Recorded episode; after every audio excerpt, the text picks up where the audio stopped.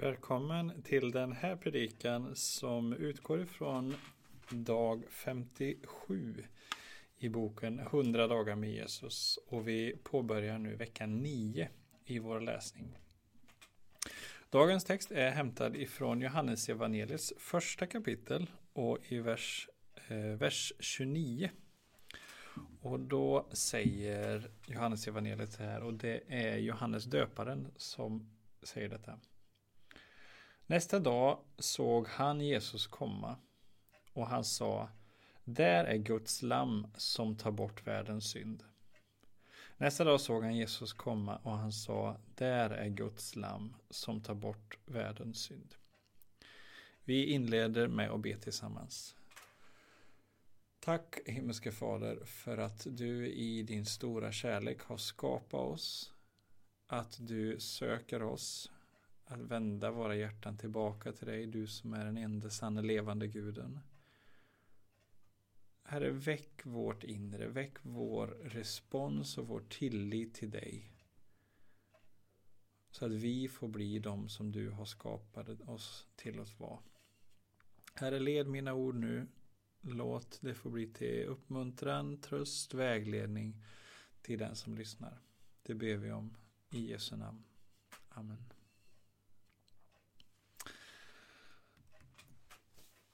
Där är Guds lam som tar bort världens synd. Detta är i sammanhanget i Johannes evangeliet som bär väldigt mycket av olika djup, olika symboler. Så, så den här titeln Guds lam eh, hänger ihop med bakgrunden i Gamla Testamentet.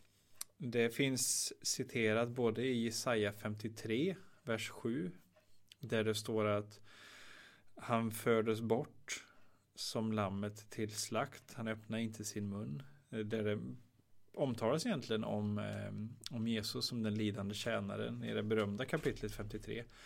Som är ju lite fascinerande eftersom det är skrivet 600-700 år före att Jesus fanns. Så börjar Gud tala om hur han ska rädda världen genom en lidande tjänare som bär eh, Eh, som bär de andra skuld, som går i döden för andra. Vilket egentligen är någonting som varit ganska främmande men eh, för folken och på den här tiden. Men hur Gud redan där och då börjar hinta om det här. Samtidigt så finns det också en koppling tillbaka i, i lammet till just uttåget ur Egypten. Där det judiska folket har, Israeliterna har bott i Egypten ursäkta, efter det att Jakob har tagit dit eller kommit dit med sina söner Josef som blev eh, högt uppsatt inom Egyptens regering och sen hur folket kom dit och förökade sig och sen uppträder en farao som inte kände till Josef eller historiken och börjar förslava israeliterna. Och där har vi ju kallelsen när Gud kallar Mose vid den brinnande busken att leda folket ut ur Egypten. Och den sista plågan är när dödsängen sveper över Egypten och dödar alla förstfödda. Och då får folket till sig, Gud säger till dem att slakta ett felfritt lamm och stryk dess blod på dörrposterna. Alltså så att lammet där blir ett ställföreträdande mot död, eller för döden för folkets död. Um, och, ett, också en, ett tecken i befrielsen från slaveri. Och de här två bilderna, att ställföreträdande, som du pratar om i Jesaja, och befrielse från slaveri, det liksom sammansmälter i Johannes evangeliet. Och där Jesus då beskriver som Guds lamm. Det är Gud själv som offrar det felfria lammet, en ställföreträdande död, för hela världens synd. Och i den här texten så så står synd inte i plural utan det står i singular vilket kännetecknar då att alltså hela världens bortvändhet, hela världens ondska, hela världens liksom upproriskhet mot Gud. Det är det som Jesus kliver in och botar. Så att, att Jesus som beskrivs som Guds lam, det som kliver in och det som offras för hela mänsklighetens skull, ja faktiskt hela skapelsens skull. Eh, så att det, det finns liksom flera bilder från Gamla Testamentet som sammansmälter i det här. Och om man tänker på just uttåget med befrielse från slaveri genom en ökenvandring och in i det förlovade landet så ligger det liksom i bakgrunden av hela det kristna livet. Alltså befrielsen från synderna, förlåtelse för synden, vandring genom ökenlandskapet, vilket är egentligen den här världen på sätt och vis. Där vi får gå med Gud genom en, en karg värld i ett, en bemärkelse. Kallelsen in i det förlovade landet när Gud när Jesus kommer tillbaka och Gud återupprättar hela skapelsen. Så det finns ett, ett liksom, en, en klangbotten i den uttågsberättelsen genom även hela Nya Testamentet. Och det, Paulus till exempel tar upp gång på gång i sina brev exempel från uttåget. Så den, den ligger hela tiden i bakgrunden. Om vi då ska titta på synd så är ju det någonting som Alltså här, här har det ju varit lite dikeskörning kanske. Eh, för ett antal decennier sedan så upplevde man, man pratar väldigt mycket om synd och det var väldigt konkret vad, vad det var. Det var att göra det och det var att göra det och det. Vilket ledde till att folk slog ut, bakut och helt plötsligt så har vi kanske inte pratat någonting om synd. Utan det blir mer på något sätt en, eh, Eh, man pratar om att, att man misslyckas kanske eller man pratar om sår och svagheter och, och svårigheter. Men sällan att man nämner ju saker som synd. Och jag tror att det blir problematiskt också för att eh, någonstans så känner vi instinktivt att det här är fel. Och det finns en befrielse att faktiskt få sätta ord på det som är fel så att det just benämns som någonting som är fel. Synden är det som är egentligen det är främmande för vår natur som människor. Jag tänker så här. Människan är skapad till Guds avbild, vilket innebär att vi är lika Gud. Vi bär liksom karaktärsdrag. Vi bär eh, av vem han själv är. Och synden är, var ingenting som var naturligt i skapelsen utan infördes av ondskan som en frestelse till människan att, att försöka söka någonting vid sidan av Gud. Alltså söka liv, söka identitet, söka eh, kraft, söka värde vid sidan av Gud. Och, och det skulle man egentligen, ja det, det kanske man skulle kunna sätta fingret på att synd är att, att söka liv eller att söka någonting vid sidan av Gud. För Gud är upphov till hela skapelsen. Gud är den som håller hela skapelsen uppe. Och Gud är målet med hela skapelsen. Alltså slutberättelsen i Nya Testamentet är ju när, när folket får kliva in i det förlovade landet, får kliva in i Guds gemenskapen så att inte solen behöver vara det utan Guds ljus är allt som människorna behöver. Alltså de är skapade för att vara med honom. Det är liksom slutänden, eh, liksom slutmålet för Guds rike. Så att människan är skapad till Guds avbild och skapad att leva av Gud och till Gud. Och det, Jesus är ju liksom det fullkomliga exemplet på det som hela tiden lever relaterat till Fadern. Han är trogen Fadern, han lever för Fadern och själv så bär han därför Faderns härlighet. Och den här djupa gemenskapen, tilliten mellan Gud och en människa som gestaltas i inkarnationen är kallelsen för var och en av oss. Men synden är, om man liksom drar ner det, det är att, att söka någonting vid sidan av Gud. Um, och Hebreerbrevet kallar detta för döda gärningar. Man, man kanske skulle kunna säga det att alltså det är som att söka någonting som egentligen är tomhet ur tomhet själv. För det djävulen gör det är ju att peka på vad människan inte har och försöka få henne att bli någonting. Ni blir som gudar. När hon redan är skapad till att vara Guds avbild. Så djävulen försöker alltid att så in liksom misstro mot Gud genom att få oss att försöka bli någonting som vi genom Guds avbilden redan är. Och det är detta som Hebreerbrevet 6 och 1 skulle man skulle kunna beskriva det som döda gärningar. Alltså det är meningslösa gärningar. Det är ur tomhet och det leder bara till tomhet. Paulus skriver i Romarbrevet 6.23 att så långt att, att syndens lön är döden. Men ens Guds gåva, gåva är evigt liv.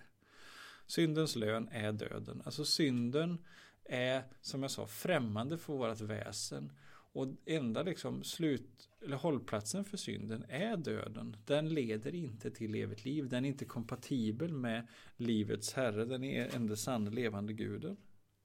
Utan synden är någonting annat.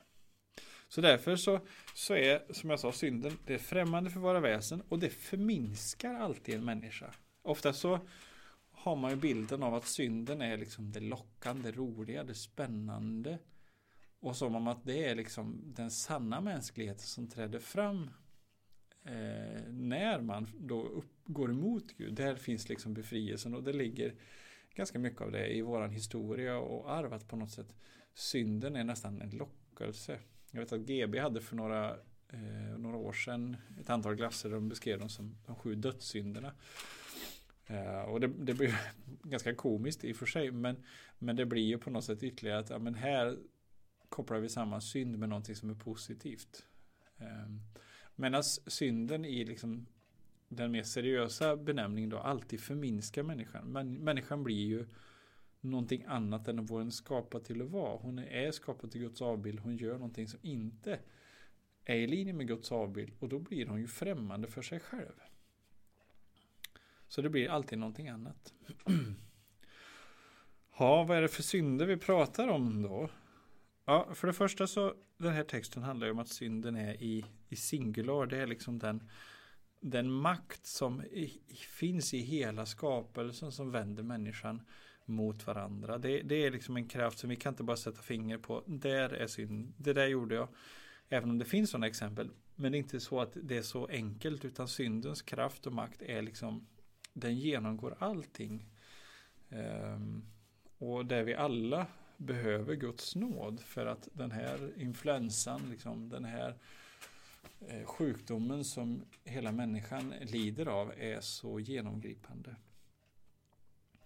Så om man ändå någonstans liksom ska få, ner, liksom, få ner lite konturer på vad synden är så har vi en berättelse i Nya Testamentet i Lukas 15 om den förlorade sonen.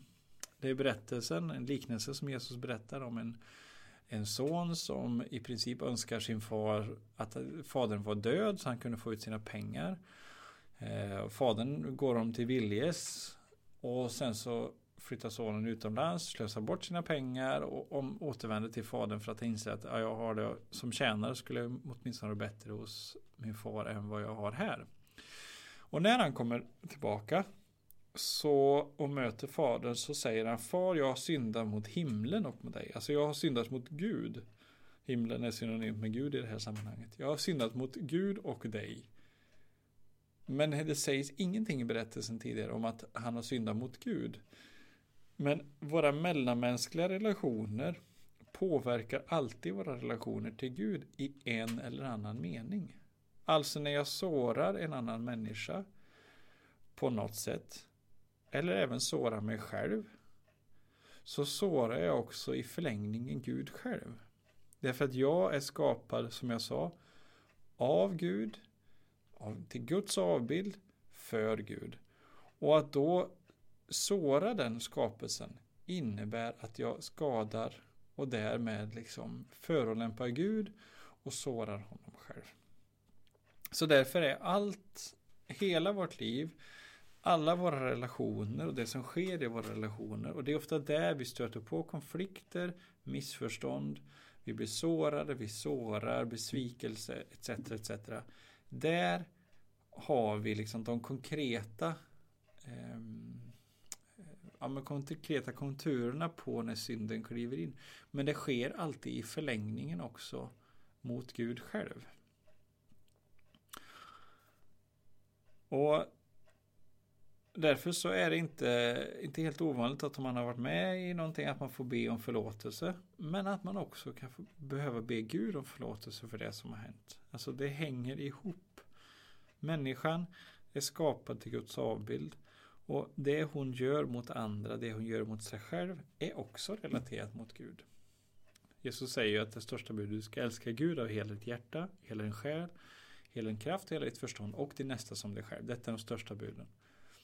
Eh, och därmed så visar han just att det är kärleken som är av Gud som liksom ska genomsyra våra relationer och vi anar att ja, men det här är någonting av Gud skapat när vi finns i det. Eh, så det är det som Jesus kallar oss till och när vi inte går den vägen, när jag söker mitt istället eller när jag på något sätt sårar andra. Det är där som syndens makt korrumperar, förstör och förvrider relationer och det som vi är skapade till att vara. Eh, så det som synden gör det är att förstöra relationer. Och man kan kort sammanfatta det att syndens makt den förstör relationen mellan mig och Gud. Den förstör relationen mellan mig och andra människor. Den förstör relationen för mig i relation till mig själv. Och det förstör relationen mellan mig och hela skapelsen. Så det är liksom de fyra dimensionerna. Och det Jesus gör det är att han kliver in för att ta bort världens synd. Alltså han öppnar vägen till räddning, till frälsning som vi säger. För hela skapelsen i de här fyra olika dimensionerna. Och en dag så väntar vi på det förlovade landet när ökenvandringen är genomförd. Befrielsen från slaveriet inträffar när Jesus dör på korset för människans synd. Det är den ställföreträdande döden. Ehm, Gud sätter ju döden som ett stopp för synden för att inte människan som är kallad att vara evig kan inte bära synden in i evigheten. Därför sätter Gud ett stopp. Och när Jesus kliver in, tar vår död och sen uppstår och vi kan få det eviga livet som en gåva av honom då är döden berövad sin makt in i evigheten. Den stannar här. Så på den här sidan evigheten så även om vi tar emot förlåtelse och vi kan få bli befriade från syndens makt så är det inte så att vi blir helt utan den utan vi lever i en skadad värld. Vi lever själva med sår och en del av de här såren tar lång tid att läka. Andra saker kan man ta ganska på en gång upp i ljuset, be om förlåtelse för bli befriad från. Men andra saker sitter djupare. Och det är därför som vi behöver leva i relation till Jesus. För att hans intresse för oss och hans syfte med att komma hit till världen det är ju att ta bort det här. Se Guds lam som tar bort världens synd. Det är liksom Guds agenda. Han kommer hit för att lösa oss ifrån det. Inte för att i första hand komma hit och peka finger och säga åh vad dålig du är, du, inte lyck du lyckas inte. Det är inte Jesu agenda. Jesu agenda är att komma hit för att lyfta av det som, som leder mig bort ifrån Gud. Det som förminskar mig som människa, det som är främmande för, för min mänskliga natur. Det är det som Jesus kommer för att ta bort.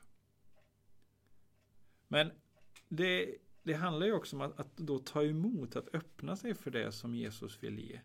Förlåtelsen och ta emot det eviga livet. Ehm, men, men erbjudandet står alltid fast. Och det är han som har fått all makt. Han som själv inte har gjort någon synd. Han som är fri från synd. Men som kliver in och tar den för vår skull. Se Guds lam som borttar världens synd.